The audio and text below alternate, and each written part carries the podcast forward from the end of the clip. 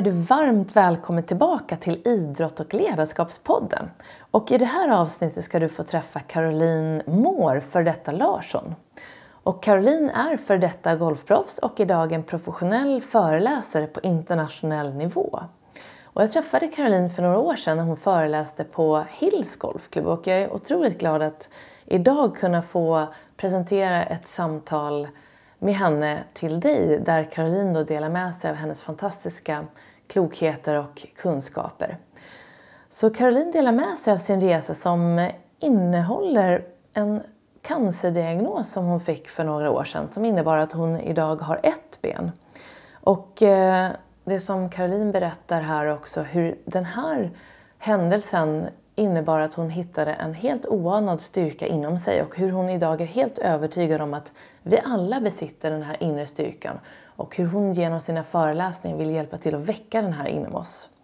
Och Caroline delar också med sig av hur du kan komma över en eventuell prestationsångest, hur du övervinner en rädsla som till exempel att prata inför folk, hur du hanterar andra människors synpunkter och något som jag själv är väldigt intresserad av här, hur du går från att vara en nattuggla till att vara en riktigt glad morgonmänniska.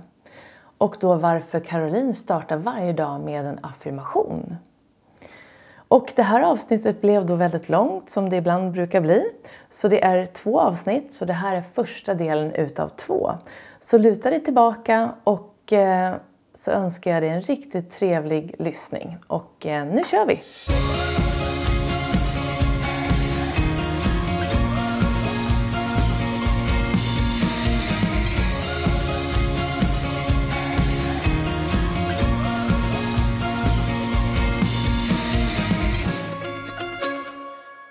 Varmt välkommen tillbaka till Idrott och ledarskapspodden. Idag är jag mycket glad att få presentera min nästa gäst för dig, nämligen Caroline Moore, före detta Larsson. Och Caroline arbetar som inspirationsföreläsare sedan åtta år tillbaka. Hon är Alliance Brand Ambassadör sedan 2016, skolsponsor i Sydafrika, före detta golfproffs och snart även författare. Caroline har vunnit både EM och VM i handigolf och är idag en efterfrågad föreläsare som reser världen över för att tala för både stora och små företag. Priser och medaljer är all ära, men det är inte det som föreläsningarna handlar om. De handlar om hur du lyckas hantera tuffa utmaningar genom att spela det mentala spelet rätt, motivera dig själv och våga omfamna det som också känns svårt. Och Caroline har utbildat sig inom NLP, och har erfarenhet i att hantera chock genom att själv ha överlevt en naturkatastrof, att spela golf på proffsnivå och hantera mentalt pressande situationer. Och även att agera samt förbereda sig för stora förändringar efter att hon själv överlevt cancer och idag lever och fungerar utmärkt med ett ben istället för två. Så idag ska vi prata mycket om just mental styrka, tuffa utmaningar, vikten av glädje, passion och mental inställning. Varmt välkommen hit Caroline! Tack Jenny! Vad kul att du är med mig! Ja men det känns ju super super roligt att vara i din podd. Vad kul! Är det något som du vill tillägga eller sådär i presentationen som jag precis har sagt? Jag tycker att du fick med allting superbra. Ja, oh, vad bra. Ja. Och du, jag brukar alltid börja med att fråga lite grann om nuläget. Vad gör du just nu och hur kan en dag se ut i ditt liv? Ja, just nu så pratar jag ju med dig ja. från, från mitt vardagsrum i Tyskland. Så att jag sitter precis nu och tittar ut över Moselfloden som, som, som flyter här nedanför mig. Och eh, idag då så är jag arbetar från mitt kontor som är i Tyskland och jag bor även här. Mm. Så att jag, eh, jag brukar gå upp på morgonen klockan sex på morgonen och jag är absolut ingen, ingen morgonmänniska så att jag har fått jobba väldigt mycket med att lägga in en strategi för mig själv så att jag kommer upp bra på morgonen och du vet inte sover över massa snosalarm hela tiden. så att imorgon så utbrast jag bara sådär välkommen onsdag och så steg jag upp direkt. Um, och sen brukar jag hoppa in i mina gymkläder och åka direkt iväg till gymmet på morgonen.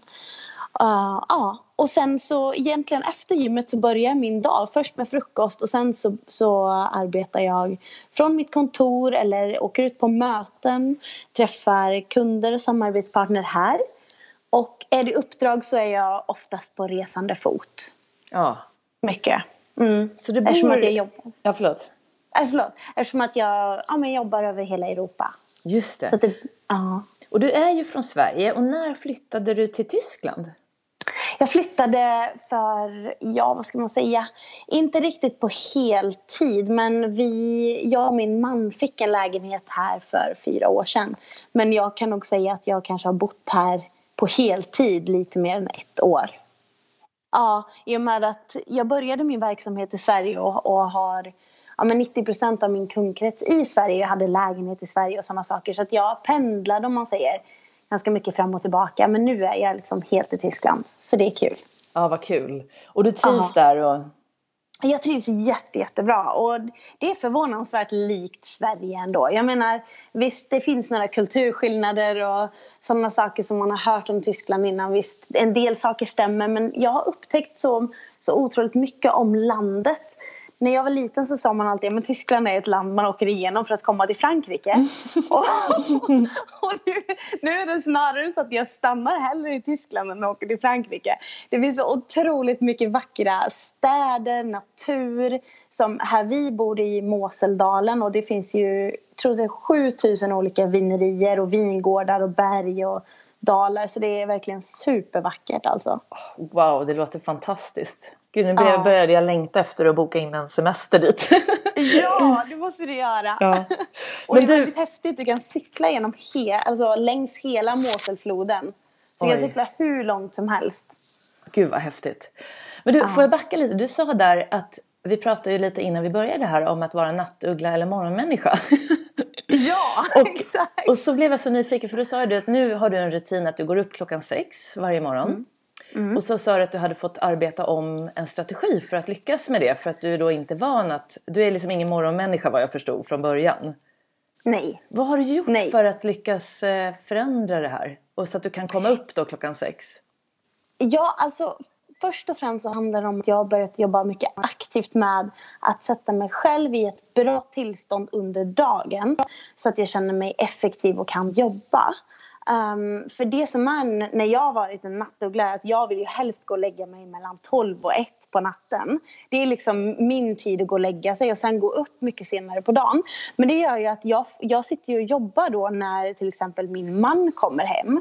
Och det blev en sån grej för oss att vi fick knappt någon tid tillsammans. Uh, för att jag satt antingen och jobbade på kontoret på kvällen eller så var jag ute och reste med mina uppdrag. Och då, då kände jag själv att motivationen var att jag ville vara tillsammans med honom de timmarna på kvällen när han, när han kommer hem vid, vid åtta sådär. Uh, och då behövde jag lägga om hela min strategi så att jag kunde vara mer effektivt under dagen. Och det gjorde ju att jag blev ju mycket tröttare så jag, jag jobbar varje dag på att trötta ut mig själv så att jag liksom kan gå, gå till sängs mycket tidigare på kvällen. Mm, just det. Jag ser till att använda min, hela min energi, för det finns väldigt, väldigt mycket energi. Så använda min energi under dagen på ett smart sätt så att jag blir trött vid en normal tid på kvällen om man säger, om man nu ska använda ordet normal. Mm. Uh, och sen på morgonen när klockan ringer vid sex, visserligen sängen är väldigt skön och varm och det är väldigt härligt att ligga kvar och snosa. Mm. Men då har jag eh, jag använder mig av olika verktyg och ett verktyg är den här fem sekunders regeln. Att räkna ner, det är lite som det här NASA gör när de skickar upp ett rymdskepp i rymden.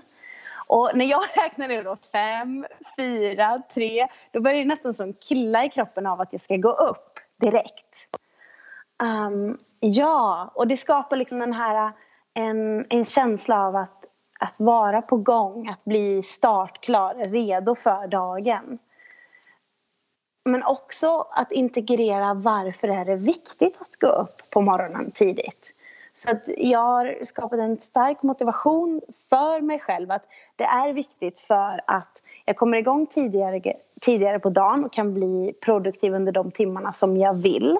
Och då kan jag skapa resultat i mitt jobb och för mig själv Eh, som gör att jag blir mer tillfreds, känner mig lycklig och glad, produktiv som är liksom en stor grej för egenföretagare. Att känna sig produktiv och kunna liksom korsa de här grejerna på listan och sådär. Så det finns en kombination av verktyg och motivation för att ja. kliva upp på morgonen. Ja, det är så bra att vi kommer in på det här för det kommer ju det här avsnittet handla väldigt mycket om. Just motivation eftersom det här är en stor del av det du föreläser om och jobbar med både dig själv då och sen andra framförallt och inspirera andra att hitta sin egen motivation, eller hur? Mm, exakt. Så, men, men, så, hur, så din verksamhet eh, består ju av då föreläsningar till största del. Um, och sen har du, är du också skolsponsor i Sydafrika. Mm. Och vad innebär det? Det innebär, 2014 så blev jag ambassadör för Staff for Life i Sverige och de har ett utbildningsprogram eh, som verkar i skolor i Sydafrika och Namibia och snart också Tanzania. Uh, så de har 150 skolor och jag fick en, en dröm när jag blev ambassadör att jag en dag ville sponsra en skola. Mm. Och Eh, 2017 så gick den drömmen i uppfyllelse för att jag dels lyckades sälja eh, nog med armband som jag hade pärlat tillsammans med min mamma och syster. Som, som också säljs för organisationen. Det här var inte min idé att sälja, att sälja de här armbanden utan de säljs redan men just för min skola. Uh, och sen hade vi två vad hade vi, 250 sålda armband och jag hade 50 armband kvar att sälja just den dagen. Mm. Och gick upp på en scen och arrangören sa du får sju minuter på dig att sälja de här 50 armbanden. ja. Och det slutade med att jag gick av scenen med en finansiering av en skola för två år framåt. Helt galet. Ja. Och vart ligger den skolan? Den I ligger i, ett, ja, i Sydafrika i norra delen, eh, nära Mosambik-gränsen. Så att det heter Shlushlue och i KwaZulu-Natal-provinsen. Shlushlue området. Och det är 400 barn på min skola då, mm. som jag sponsrar. Jag tror att jag har varit där. Vet, det lig, ligger det nära Durban? Äh, ja, Ganska två nära. timmar norr om Durban. Eh, KwaZulu-Natal. Nej, precis. Ja, exakt. Var, nu var ju vi då i ett annat område. Det var med när jag jobbade med Svensk Golf. Så var vi där och spelade in lite filmer faktiskt. Och då var vi runt i området för att ja, uppmärksamma det lite grann också. Men det var ju väldigt länge sedan. Det var 2006 tror jag, 2007. Oh, wow. Men jag känner igen området för att liksom, det var fantastiskt att det är just där. Och det är ju välbehövligt såklart. Mm. Ja, det är det. Så de, de ungdomarna de lär sig och det känner jag också det, det verkligen går i det som jag vill förmedla till andra människor. Just det här att, att dina drömmar betyder någonting, att de har en stor kraft för dig. Så de ungdomarna lär sig att skapa drömmar och också känna hur, hur de växer med ett ansvar. Eh, vilka, vilka val de tar i livet beroende på vilken riktning de vill gå i. Och sen även såklart så får de utbildning i vad HIV och aids är i och med att det är en, ett väldigt stort både problem och utmaning i, i det området i Sydafrika. Mm. Ja.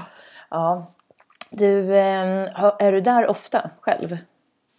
Ofta ska jag inte säga, men jag har varit på besök där tre gånger och ja. jag planerar nästa år igen.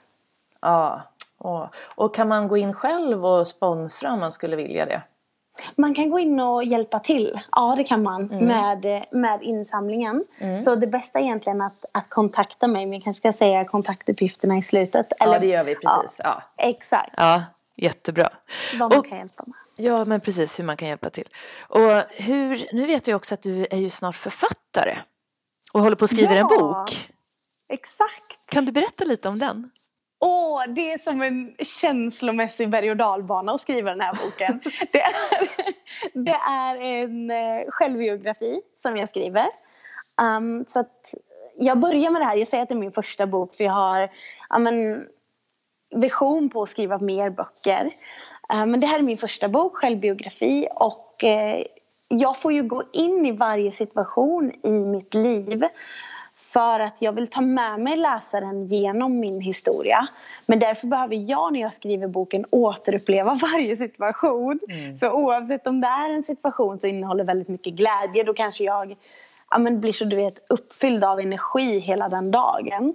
Eh, gentemot när jag skrev om jordbävningen som tog mig en hel vecka att skriva igenom bara ett event. Mm. För att det var så laddat. Och Eh, jag har jobbat igenom så otroligt mycket själv. Um, men, men det finns alltid lager, tror jag, i, i olika event i våra liv som vi kanske aldrig har berört. Och jag kände hur, hur det kom upp känslor, tankar um, och sådana saker. Så det tog mycket längre tid att jobba igenom. Så det är verkligen en känslomässig berg och men väldigt spännande. Jag lär mig otroligt mycket av mig själv. Ja, jag förstår. När kommer den komma ut tror du? Alltså jag har ju en galen vision om att ge ut den här boken innan juni. Men jag vet inte om det är för tufft. för tufft tidsspann. Ja. Jag har ingen aning om sådana här bokprocesser egentligen. Um, och hur lång tid saker och ting tar. Men jag är verkligen en sån tidsoptimist med sådana saker. Jag vill få saker att hända. Mm. Och då vill jag få dem att hända nu. Mm. Kommer den komma ut i Tyskland? På, eller kommer den komma ut i Sverige? Eller både och? Planen är att den blir översatt till engelska efteråt direkt. Ja. Uh, men jag skulle ju jättegärna vilja ut den i Tyskland också i och med att jag verkar härifrån. Ja just det, precis. Så den är svensk, på svenska först? Ja, det är ja. den. Ja, spännande. Ja, ja, då ska vi hålla utkik efter det också. Ja. Och vi ska prata jättemycket om, om det här som, som du nämner nu, det här om att kunna att överleva en katastrof på det sättet som, som du gjorde där i den här jordbävningen. Och även eh, din fortsatta resa. Men jag tänkte lite nu om din bakgrund. Eh, och jag nämnde ju en del i presentationen, men vill du själv berätta lite om den och vad som ledde dig till att idag vara en professionell föreläsare på internationell nivå då? Ja, alltså det var ju en blandning av att gå igenom, precis som du sa, att överleva den här jordbävningen och även att um, överleva cancern som direkt kom efteråt. Och när jag hade gjort en comeback till golfen eh, två månader efter den här cancern och där jag förlorade mitt ben. Då, då upptäckte jag den styrkan som jag inte trodde att jag hade inom mig innan. Men som jag blev helt övertygad om att alla har. Uh, och jag började direkt att dela den här historien, vad jag hade lärt mig, vilka verktyg jag hade använt mig av, människor som hade funnits i min omgivning. För att jag ville verkligen dela den här inspirationen och kraften och energin till andra människor och tro på att deras drömmar, att det verkligen är möjligt och att vi, har, vi kan påverka vårt liv i så stor omfattning, mycket, mycket större än vad vi tror. Och att vi, vi, kan, vi kan även gå igenom såna här eh, förändringar som, som kan klassas väldigt negativa i, i bemärkelsen av att man använder ord som cancer eller naturkatastrof eller sådana saker. Det är ganska negativt betingat men att vi kan gå igenom dem och ändå känna oss lyckliga, uppfyllda, hoppfulla och energifyllda. För att eh, det jag kände i den här förändringen var just en cocktail av alla de här känslorna. Och det var inte endast negativt. Det var inte heller endast bara positivt utan allt fanns där. Men blev, det blev så tydligt av vilka val jag tar, hur jag väljer att bygga min energi och vad jag väljer att fokusera på.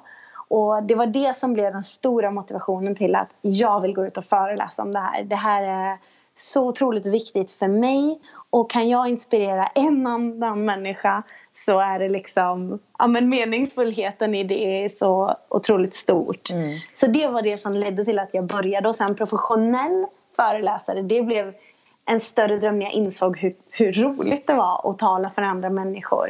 Uh, att få chansen att stå på en arena och, um, och hjälpa dem påverka sina egna liv. Ja, och, och, när du gick igenom det här, du sa att du, när du hade kom, gjorde din comeback så kände du den här överväldigande styrkan som du hade inom dig. Vad, ja. hade, gjorde du den här resan, kom du till den insikten själv eller var det någonting som triggade den, som hjälpte dig så att säga för att göra den här comebacken? Jag kan inte säga exakt vad det var men en gissning är um, hur jag kom till den här insikten var ju att det här var ju en, en situation som handlade om, om liv eller död.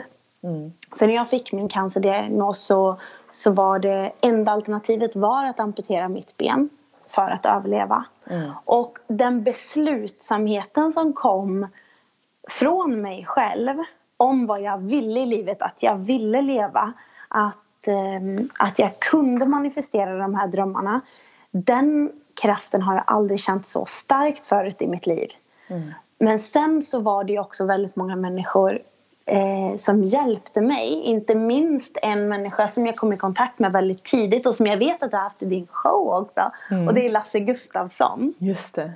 Ja, så att han blev ju som en mentor, vän, livscoach. Jag vet inte riktigt vad jag ska kalla det men han blev ett otroligt stort stöd i den här processen där jag um, kände att jag accepterade situationen, kunde tro på mig själv, sätta de här målen och mm. också vara öppen till alla människor som fanns runt omkring mig. Så det kändes som att alla människor runt omkring Lasse, min familj, mamma och pappa, min syster Louise, mina närmsta vänner. Vi blev liksom som ett team. Mm. Um, där det var okej okay att vara öppen med varandra och det hjälpte mig väldigt, mycket också. Ja, men jag förstår och jag, jag, tänkte på just det här att vara i den situationen som du var i och som, som Lasse beskrev i, i avsnittet när han var med också att när man är i ett sånt här utsatt läge, det här är då Lasse Gustafsson är ju då han kallas för brandmannen och han överlevde då en, en stor olycka i Göteborg där han blev brand, brandskadad för er som inte vet vem han är då. Och han mm. berättade ju verkligen att han instinktivt märkte att han behövde hitta en positiv målbild för att hjälpa kroppen att läka. För varje gång han hamnade i negativa tankar, till exempel varför hände det här mig, jag som bara har varit brandman i en vecka och så hände den här olyckan eller eh, alla de där negativa tankarna, då gjorde liksom kroppen mer ont nästan. Så han, det blev en instinkt att hitta en, en kraftfull målbild. Mm. Kände du Exakt. också att du fick den där extra kraften, att du nästan blev instinktivt började hitta en starkare målbild framåt för att klara av just till exempel rehabiliteringen som du behövde göra då för att göra din comeback? Ja, alltså det är det jag tror jag menar med beslutsamheten. Ja. Uh, exakt det. Att skapa den här målbilden att, att jag bestämde mig för vilken riktning jag ville gå. Och jag skapade den målbilden av att jag ville ju spela golf igen direkt efteråt. Och, och precis som Lasse säger det att, att man får mer energi utav en sån målbild än, än, än när de negativa tankarna kommer in i ens kropp. Och det jag tror, det var också någonting som, som var för mig där livsavgörande i energi var ju att väldigt många människor runt omkring mig eh, som jag inte kände sa till mig att det inte var möjligt att nå de här målen som jag hade. Eh, och i och med att jag redan hade beslutat mig för att det var möjligt och att jag ville dit så blev jag väldigt arg när jag fick höra de här sakerna. För att det var någonting som jag kände inkräktade med min tro och mitt trosystem. Och det som faktiskt gav mig energi. För det, det, jag insåg det så snabbt att de där negativa tankarna de kommer suga all energi ur mig. Jag kommer inte klara av att gå på golfbanan om jag tror att det inte är möjligt. Men om jag tror att det är möjligt så kommer jag kunna klara de där tre, fyra, fem slagen. Jag brukade ju slå hundratals slag på golfbanan tidigare. Ehm, men då klarade jag fem slag och jag var övertygad om att det var de positiva tankarna som hjälpte mig att göra det. Mm. Och, men den, den ilskan, det, blev, det gödde också energin att tro på det ännu mer i den stunden mm. i livet. Mm. Det var så roligt apropå när någon säger så här, det där går inte, hur man hanterar det. För att jag kollade på Mästarnas Mästare här i, och då är Carolina Klüft med. Jag vet inte, har du sett det? Eh, nej, inte det avsnittet. Nej, men i alla fall, det handlade om Carolina Klüft och hon hade ju, eh, skulle vara med då i VM och så hade hon stukat foten precis dagen innan. Så var det en Eh, konkurrent då, som var väldigt, väldigt duktig och som eh, när, när Carolina då började den här dagen med sina tävlingar så gick det inte lika bra som det brukar. Hon hade ju liksom den här stukade foten men hon skulle ändå försöka ta sig igenom det och så hörde hon den här, nu vet jag inte, kommer jag inte ihåg vad hon heter, men hennes största konkurrent på den tiden i alla fall, eh, sa, då hörde Carolina att hon sa så här, ja ah, okej, okay, Carolina is out, du vet, räkna inte med henne. Och det liksom bara väckte någonting hos Carolina, att hon bara fick en andra liksom kraft sådär. Så hon gick ut trots då sin stukade fot och allting så bara började hon köra och så slutade det med att hon vann då. Så ibland kan den där lilla, någon som helt plötsligt kommer in och säger det här, det här går inte. Att du då väcker någonting inom dig som bara, det ska ta med tusan gå. Ja. Ja, kände verkligen. du där att det blev så lite grann? Jag ska fasen visa dem. Ja, jättemycket. Mm. Och mm. den styrkan då som gjorde att det blev så, för jag kan tänka mig att det kan bli när man är i ett sånt här utsatt läge där du då kan fastna i kanske saker du inte kan göra. Till exempel, nu har jag ett ben, då kan jag inte göra det här och inte det här. Istället för att tänka vad man kan och hur man vill. Eh, mm. Eh, hur, hur tror du att man kan göra för att liksom istället för att hamna då i det där negativa, om det nu blir så, eh, hur man gör för att vända det, vad tror du är nyckeln där? Alltså det kanske låter jättesimpelt och helt oförståeligt men tro inte på allt som sägs. Mm. För det blev så otroligt tydligt för mig att alla människor som sa att det inte skulle gå och saker jag inte kunde njuta av, alla de hade två ben. Och för mig blev det så otroligt tydligt, de har ju inte ens ett ben. Så hur kan de veta hur det ska bli för mig? Och det här blir ju liksom som en metafor. Okej, okay, jag kunde se det här med ett eller två ben. Men alla människor vet ju inte exakt hur det ska vara för dig i din situation eller i dina mål eller vad, vad du vill. De är inte du. Nej. Och jag tror det är där någonstans vi måste börja se styrkan i oss själva, styrkan i min eh, unikhet och vad jag kan göra. Um, att alla människor, det är inte samma väg vi ska gå genom livet. Mm. Nej precis, för oftast pratar man ju ur sitt eget perspektiv. Alltså den som ja. säger att det där kommer inte gå för att man kan inte, precis man tar det ur sin egen verklighet och den är ju inte din verklighet. Så att eh, det, det, där är ju jätteviktigt och, och att eh, ha bra människor för att påminna det. Jag kan tänka mig då om man är i ett svagt läge och har en dålig dag eller du vet en dålig period där i det här svaga läget att det då behövs människor som kan påminna om just styrkan inom dig. Ja, det behöver det. Ifall du liksom glömmer bort den, för det kan ju vara svårt att vara stark varje dag. Eller hur? Att du liksom har den där lite extra pushen där med bra människor runt dig som ser det du ser. Eller som i alla fall hänger med dina tankar. Exakt, det mm. tror jag är jätteviktigt. Men bara för att återkomma lite till de här människorna som säger att det inte går också. Mm. Människor som finns runt omkring dig. För det är också otroligt viktigt att komma ihåg att att alla människor, vad jag tror, har en god kärna och vill med goda intentioner hjälpa dig. Sen har vi olika sätt vi uttrycker oss på.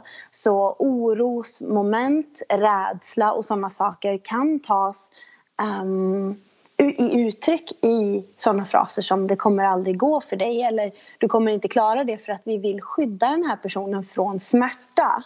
Eh, och jag tror att det är väldigt viktigt att komma ihåg också när vi blir konfronterade med de fraserna om att den här människan vill mig väl men utifrån den människans karta om hur livet ser ut så tror den att det finns en fara bakom det här men det gör ju egentligen att vi vi knyter våra händer bakom ryggen och inte gör någonting mm. för att vi eventuellt utsätts, utsätter oss för smärta. Men smärta kan ju också vara, om det nu finns en smärta så kan ju också smärta faktiskt innehålla möjligheter till att lära oss någonting om oss själva. Ja, och där, precis. jag tänker lite grann på det här du var inne på från början med de här skol, eh, barnen i, i eh, Sydafrika. Att eh, ha drömmar, att våga ha drömmar. Mm. Och jag vet många föräldrar eh, till barn som då har stora drömmar så kan det ju bli så att föräldern säger liksom, nej men det där det där går inte. Om, om barnet kommer hem och säger så här, men jag, jag ska bli fotbollsproffs eller eh, jag ska bli, ja du vet, som kan, kan tyckas väldigt svårt och omöjligt för att den vuxna förstår hur mycket det krävs för det. Men att mm. i det läget att det bara är så viktigt att bara bra, kör på det liksom. Det är så viktigt att, att hjälpa barnen, barnen att våga ha drömmar. Och, och även vuxna faktiskt. För det, om man då säger så här, nej det går inte, nej det är bättre att du inte försöker. På grund av att man vill skydda då, precis som du är inne på. För det är ju förälderns sätt att vilja skydda så att barnet inte ska bli ledsen om mm. den misslyckas. Men det som kan hända är att den till slut inte vågar försöka. Och, och det där märks ju ibland när jag jobbar med vuxna så ser man om de har haft en sån barndom så att säga där man inte har riktigt vågat tro på sina drömmar så har de även i vuxen ålder en hämmande att de inte vågar riktigt försöka. Just det. Så att även om det inte blir fotbollsproffs Så att det är viktigt att peppa till de drömmar som dyker upp.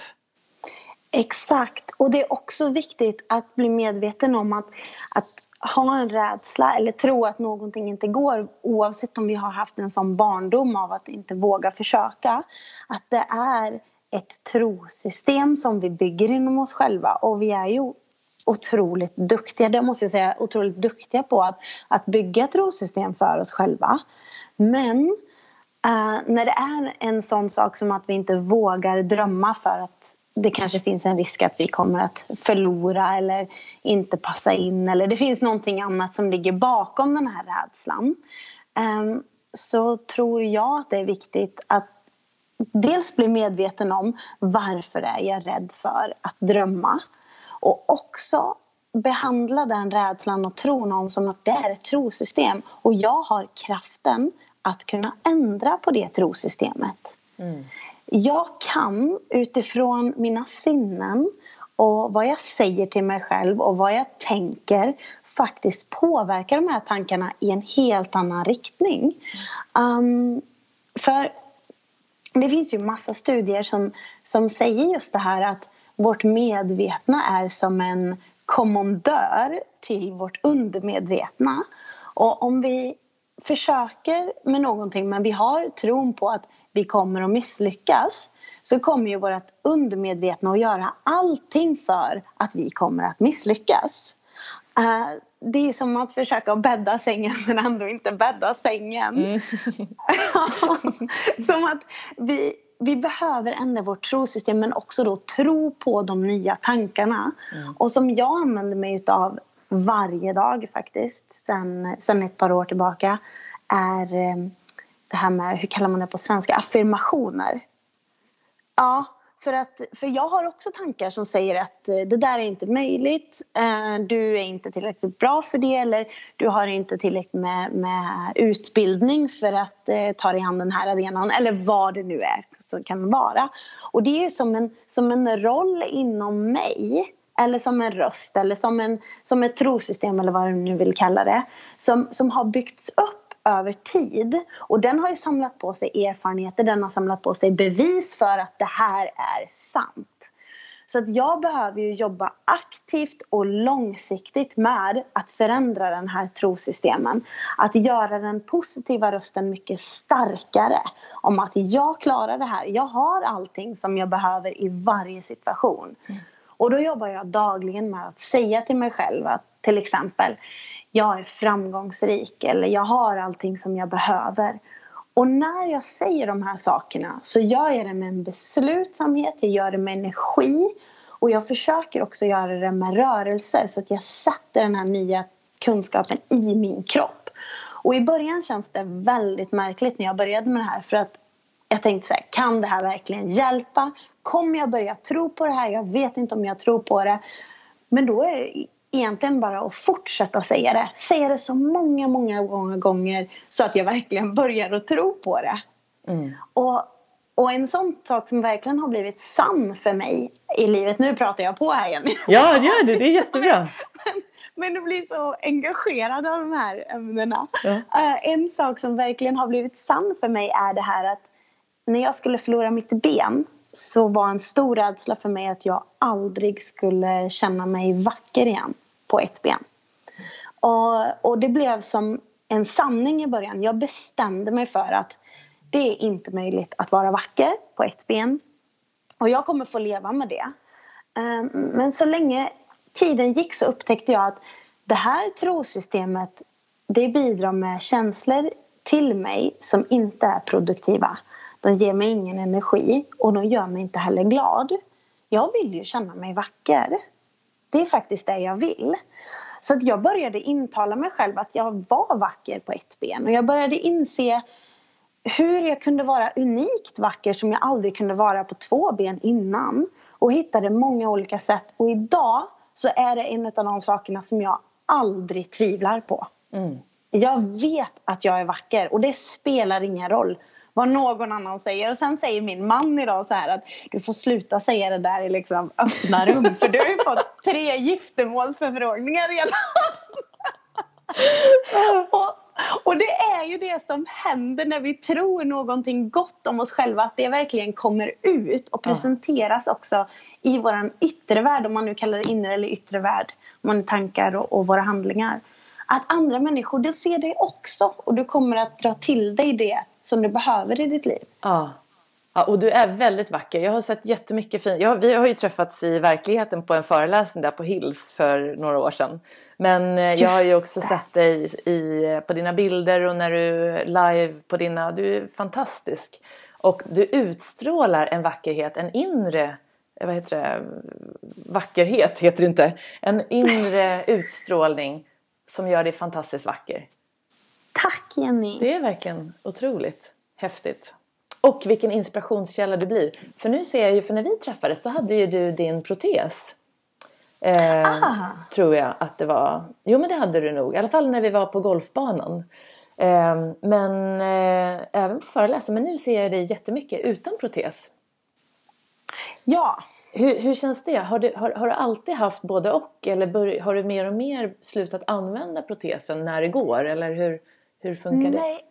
jag har nog, beroende på vad jag gör, så har jag ett eller två ben. Så det är en av möjligheterna med att ha en protes, att jag liksom kan välja det varje dag. Ja. Um, det är lite som när andra personer väljer kläder så väljer jag, ska jag ett eller två ben idag? Så. Mm.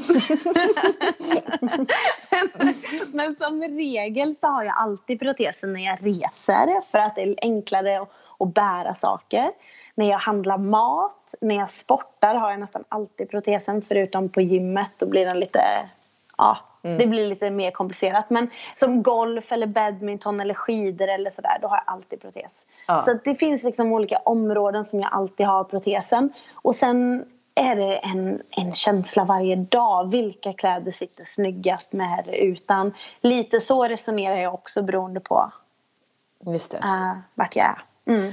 Och Apropå målbilder då. Du hade, en av dina målbilder var ju då att kunna spela golf igen. Och så nådde du då EM och VM i handigolf. Kan du berätta känslan när du liksom slog ut där på första tio eller framförallt när du puttade i bollen på artonde hålet? Oh, det var jättehäftigt. Mm. Alltså, det var... Det är som, som en känsla av att vara tillbaka på golfbanan med vad ska man säga, helt nya känslor och faktiskt för helt nya upplevelser av vad det innebär att spela golf. För, för när jag tränade och hade fokus på att bli golfproffs när jag hade två ben så var det så mycket som jag tog för givet. Uh, saker som jag blev frustrerad över som om jag spelade dåligt eller gjorde en boogie. Alltså, mer slag än man ska slå på en golfbana för er som inte spelar golf. Mm. Uh, då kunde jag bli så frustrerad. Och visserligen så har jag ju de honorna ute när jag spelar idag ändå med protes. Men en mycket större förståelse för och kan sätta det i perspektiv av att det är det är liksom inte beroende på mitt värde som person. Och när jag fick den insikten så, så kunde jag börja spela mycket bättre golf. Mm. Och jag spelar ju bättre golf idag än vad jag gjorde med två ben. Mm. Vilket, vilket också var rätt tidigt när jag kom tillbaka. Så det var, det var en helt otrolig upplevelse. Ett, en helt ny dimension som jag inte hade upplevt förut. Mm. faktiskt. Mm. Precis, du kunde liksom, liksom, dels lyfta blicken till vad som var viktigt. Det här var liksom en, en dag på golfbanan, ett slag i taget. Eh, men också inse att, att just det här kunna skilja då på din person och din prestation. Ja, exakt. Var det så du kände? Ja. Mm, mm. verkligen. Och, för det var verkligen sant för mig som golfare på två ben innan att min prestation är lika med min person, mm. vem jag är. Mm. Precis, du mm. kopplade ihop dig till att du behövde prestera för att tycka att du dög. Ja, exakt. Eller att vara liksom en person folk ville vara med. Eller ja, ja alla sådana där saker. Ja. Det och det är... blir ju... Mm. Ja, förlåt. Nej, förlåt. Kör på. Nej, men det blir ju otroligt frustrerande och en, en onödig press. Och det tar ju över glädjen för, för spelet och passionen för varför man spelar golf. Ja men exakt precis, det där har jag ju själv sett så många gånger om man tänker tillbaka då när jag tävlade aktivt och alla mina vänner som tävlade aktivt att när kraven blev för höga till exempel på resultatet som det ofta var att eh, nu måste du liksom prestera och klara av en viss score eller vinna eller sådär så försvinner glädjen direkt för de, de kan liksom inte bo i samma rum för höga Nej. krav och glädje utan när kraven blir för stora så försvinner glädjen och då brukar ju tyvärr, i alla fall antingen försvinner prestationen då. Ibland kan man ju prestera för att man pressar sig men välmåendet försvinner ju. Och den här njutningen vilket gör att de flesta av mina i alla fall kollegor eller vänner som spelar på proffs de har ju slutat. Och de slutade ja. ganska tidigt för att kraven blev för stora och glädjen försvann. Mm. Så jag tror väldigt mycket på det här att försöka, det är precis det som du är inne på, att behålla glädjen för att kunna prestera bättre. Så du har ju verkligen sett det, att bara för att du har fått ett annat perspektiv så presterar du bättre. För att ja, du släpper exakt. prestationen. ja, exakt. Mm. Och då gick det ju också bättre. Ja. Men om man mm. inte har varit med om en sån här... Eh, det, oftast är det ju någonting som händer, något omvälvande som du har varit med om. Till och med två katastrofer. Först den här naturkatastrofen och sen det här beskedet om att du hade cancer och du fick ta det här beslutet att amputera ditt ben. Och då i den här resan tillbaka så lärde du dig fruktansvärt mycket om dig själv och du hittade styrka. Men om du då idag är en, vad ska man säga, en vanlig person som har två ben och man har ingen sjukdom, man har inte upplevt men man har ändå de här prestationskraven och kan inte riktigt få utlopp för sin prestation och framförallt inte välmåendet för att kraven blir för höga. Hur ska man göra då? Alltså, som jag tror, det är bara utifrån vad jag, mina erfarenheter i det. Eh, jag har diskuterat väldigt mycket med, med både vänner kring just den här punkten för de säger samma sak. Och det som jag hela tiden kommer fram till det är att bli tillräckligt medveten om hur våra system påverkar oss. Som vi alla har ju, även om vi inte har varit med om dramatiska händelser i vårt liv så gör vi grejer och, varje dag. Vi tänker och vi, vi handlar olika. Och beroende på hur medvetna vi blir om vad vi handlar, hur vi handlar, varför vi gör som vi gör um, så kan vi hitta system om oss själva och bli nyfikna. Jag tror nyfikenhet är en jätte, jättestor nyckel till mm att faktiskt börja förändra olika saker. Mm. För att jag tror att vi kan återta, om man säger återta kontrollen, bli ledare i vårt liv släppa på pressen utan att ha varit med om en dramatisk händelse i vårt liv. Det är därför jag är ute och berättar och föreläser så mycket om mina erfarenheter för att jag vill att människor ska vakna upp. Vad är det som händer i mitt liv? Vad är det som pågår? Vad gör jag? Hur tänker jag? hur kan jag påverka det i en helt annan riktning? Mm. Så, så jag tror verkligen att första nyckeln är att bli medveten och sen nyfiken. Mm. Att lära sig, söka kunskap om, ta hjälp av en coach. Du coach Jenny. Mm. uh, men mental tränare. Att förändra förändra strategier, tankebanor, trosystem mm. uh, till att vi kan släppa på pressen. Eller som du och jag pratade om innan, tror jag vi började spela in, men det här med avslappningsstrategier, alla mm. målbilder och sådana saker. Mm. Jag tror att det handlar om det. Ja, och det var så intressant för att apropå personer man träffar eh, så har jag en, eh, en person som heter eh, eh, Berne Erlandsson. Han är emotionell tränare för detta tandläkare. Och han har skrivit en bok som är supertjock. Den är 600 sidor tjock, bara text. och det handlar om emotionell träning. Och där är det ju väldigt mycket kring det här du är inne på. Att nyfikenhet, det är motsatsen till rädsla. Så att mm. när du då jobbar med det du vill, dina målbilder, så måste det väcka, eller det bör, och det är väldigt positivt om det väcker en känsla av nyfikenhet, att du vill till det. För du vet, en rädsla vill du ju ifrån. Du vill ju inte till en rädsla. Så att om du då har ett mål som kanske handlar om någonting som du inte tror att du klarar av till exempel. Eller som du tänker så här, åh vad ska alla andra säga om jag inte klarar av det här? Målet kanske är för högt eller det kanske är felsatt. Då blir det en rädsla kopplat till målet och då kommer du dra dig ifrån målet omedvetet. Mm. Är det istället kopplat till nyfikenhet och en känsla då av nyfikenhet så kommer du dra dig till målet och då är chansen mycket större att du klarar av Mm, intressant. Och, och då tänker jag, då är, kommer vi in på det här med rädslor som, som är så otroligt hämmande för varje människa. Och då har ju du en sån här, vad ska man kalla det, slogan som heter ja. Fear less, live more. Och så är det ju coolt att du heter More. more. Då, då. vad betyder den frasen för dig? Det betyder det att vi utmanar våra rädslor och då lever vi mer. Mm. Alltså att när vi, släpper på dem, när vi släpper på de rädslorna så lever vi mer. Men, men jag tror också att, att det är viktigt att lära känna mm. Vart har jag rädslor? Vart kommer de ifrån? Och sen också som du säger att addera nyfikenhet in i sitt liv. För att våga utmana dem, bygga mod. Och då kan vi leva mer. Det är det min fras står för. Ja. Mm. Hur, hur, har du hanterat dina rädslor? Blev de tydliga? Du nämnde ju några hinder apropå hur du tänkte där att du var rädd för att inte kunna känna dig vacker igen till exempel. Men hur har du kan du nämna något exempel på en rädsla du liksom har hanterat och jobbat med? Ja, oh, massor av rädslor. Ska jag välja en nu då? ja, nu får du välja en. Nej. Uh, ja. Mm, jag tänker som en rädsla den här då. Jag får ju många frågor om det. Um, att tala inför människor till exempel. Det är ju en ganska så vanlig rädsla ju. Och någonting som jag också var rädd för i början för um, då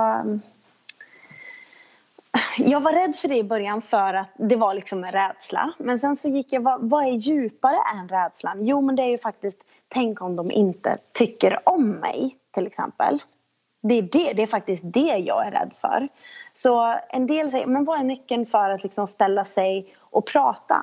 Jo, men det är ju faktiskt att tänka tvärtom. Sätt dig i publikens skor. Vad är det en publik vill när den ser en föreläsare eller presentatör på scen? Och, och upptäcker att den föreläsaren eller presentatören är nervös. Jo, men empatin ökar för att vi vill att den föreläsaren eller presentatören ska klara ut av det. Så det är liksom ett, som man kan säga, det kollektiva medvetandet hos en publik är att de vill föreläsaren väl i det att den ska klara ut av det. Så jag brukar alltid tänka tvärtom. Så att jag var rädd för att de inte skulle tycka om mig. Men de sitter ju där och redan gör det. För att de vill att jag ska göra bra ifrån mig på scen så att jag klarar ut av det. För att vi vet att det finns en rädsla kopplad till att stå på scen. Så där var det mer som ett vad ska man säga, um, att jag blev medveten på, på ett sätt fast jag tänkte tvärtom. Förstår du vad jag menar? Ja, jag förstår precis. Det är ett jättebra, jättebra tips för det här är ju någonting som väldigt många är nervösa för. Jag tror att det, den rädslan är större än rädslan för att dö när man ser de här listorna för vad folk är mest rädda för. Det, ja. de, är, de är rädda för förändringar, tala inför folk, och kanske att, att, att det ska hända någonting till andra. Men att, att själv dö, det är man inte lika rädd för. och det, det är läskigare att ställa sig upp utanför flocken på scenen och bara göra någonting. Vi, det, ja. Men, eh, mm. eh, men jättebra tips att sätta sig in i att det här var du inne på förut också att människor gör ju saker för att de innerst inne vill väl eller de vill ju att föreläsaren ska väl och där tänker jag om du då ändå kommer in kanske i den här rädslan och nervositeten så kanske du skapar ett du vet, tillståndet kanske blir spänt eller nervöst i kroppen då. Har du någon bra mm. andningsövning som du gör inför en föreläsning eller någon annan övning? Ja, jag har alltid som en repertoar innan en föreläsning. Och det är som, jag har ett, ett, liksom förberett mig inför ett uppdrag och jag vet vad syftet är, vad jag ska förmedla och sådana saker. Sen har jag alltid en frihet i mina föreläsningar eftersom att jag aldrig har något manus eh, ord för ord. Så. Mm. Och när man lämnar en öppenhet liksom i en föreläsning så lämnar jag också det för att, för att vara levande och öppen och sådär på scenen. Och då behöver jag ju ett tillstånd, precis som du pratar om, att liksom släppa den här nervositeten och kunna vara fri och ha tillgång till all min kunskap. För jag upplever att när jag är spänd och nervös och jag låter det sitta kvar i kroppen så går andningen upp i halsen.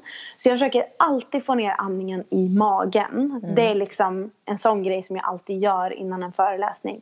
Andningen ner i magen och sen går jag alltid in på toaletten och ställer mig i en power pose i minst två minuter. Bara för att jag vet att det påverkar mig både med med, ehm, ämnen i kropp, med rätt ämnen i kroppen och jag blir liksom redo i rätt tillstånd. Så jag vet inte om du har sett det här, till exempel TED-pratet med Amy Cuddy om power poses. Har du sett nej, det? Jenny? Nej, jag har inte det. Nej. Det lät jättespännande. Hitta din power pose.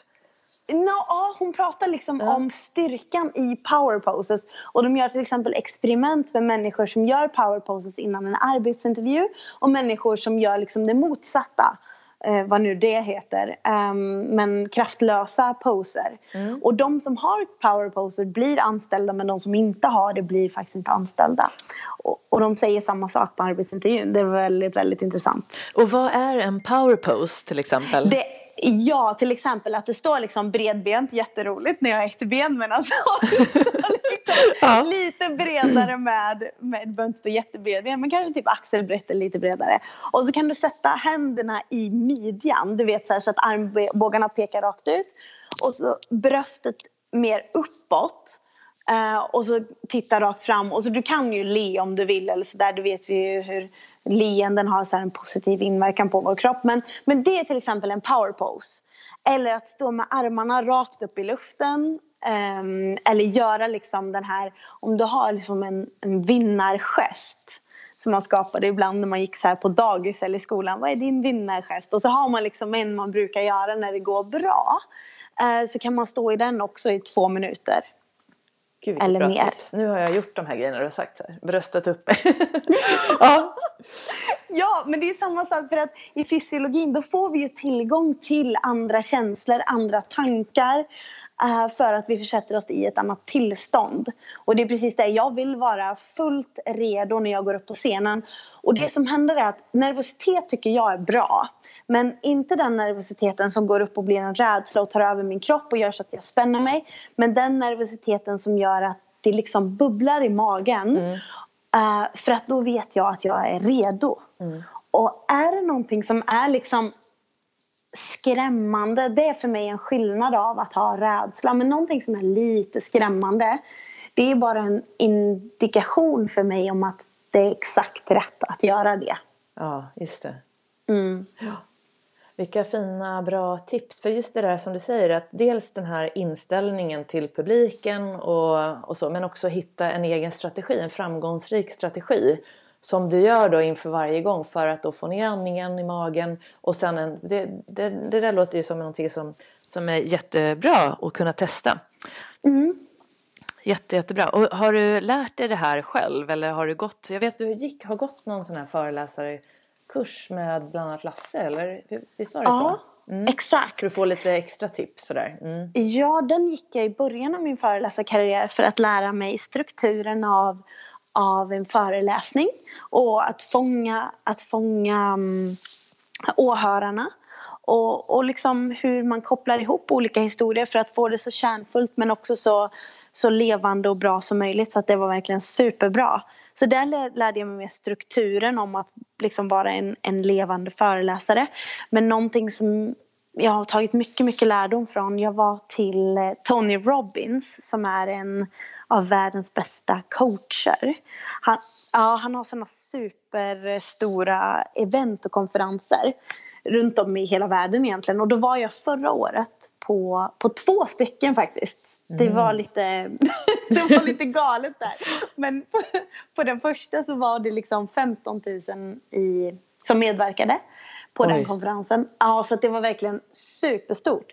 Och det första som hände när jag kom in på den konferensen, det kom jag in som, som, som svensk tjej då, in i den här amerikanska kulturen där det är liksom helt okej okay att, att hoppa och skrika och liksom göra uttryck för sig och sådär. Och i början tyckte jag att det var väldigt, väldigt märkligt. Men det som, som Tony Robbins jobbar med är just fysiologin. Att det är så otroligt viktigt av att inte bara säga saker utan jobba utifrån alla våra sinnen och få med oss kroppen för att, för att bygga system som är framgångsrika för oss. Och det var, mest, det var därifrån som jag fick inspirationen till det här power poses men även från det, eh, den TED-föreläsningen som jag nämnde tidigare. Ja, och mm. Anthony Robbins, eller Tony Robbins, han har ju skrivit den här boken som har blivit väldigt populär som heter Din gränslösa styrka. Mm, um, ja. och, och sen även några böcker därefter där han verkligen, man, man ser hans eh, Även om vi i Sverige kan ju tycka att det är väldigt amerikanskt men när man läser hans sammanfattande böcker om vad, till exempel hur du når din egen styrka, hitta, hitta äh, vet du, Finding the Giant Within tror jag en bok heter också. Det, det, det är det mm. den heter på engelska, den här Din gränslösa styrka. Och att, att han, han väcker sådana här saker som jag hör dig nu när du pratar också. Att väcka, det, man står ju inte, du, när du står och inspirerar och föreläser så är det ju inte för att de ska tycka åh nu Caroline, du är ju det, men det är ju för att du vill ju väcka någonting hos dem och det är det som är din kärna och din, din målbild.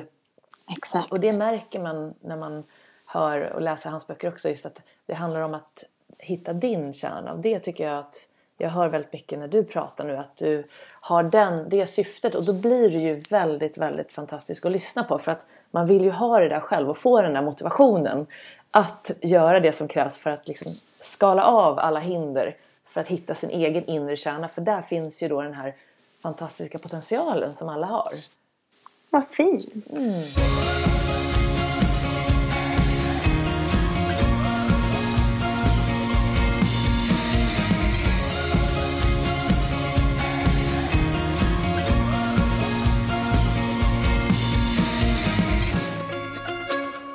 Då har du fått lyssna till mitt samtal med Caroline och jag hoppas att du har fått med dig en mängd ny kunskap, en massa tips och råd och verktyg kring hur du kan ta med dig det här in i din egen vardag.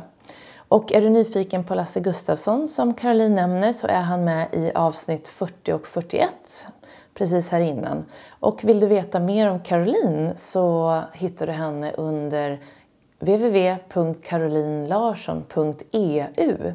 Och det här avsnittet fortsätter då, som jag nämnde i början, nästa vecka i del två. Och då kommer du att få fortsätta höra om en hel del härliga verktyg som Caroline använder i sin egen vardag för att hålla sig mentalt stark men också hur man hanterar en dag där du kan känna dig riktigt låg. Så tills dess, ta hand om dig och så hoppas jag att vi ses snart igen. Hej då!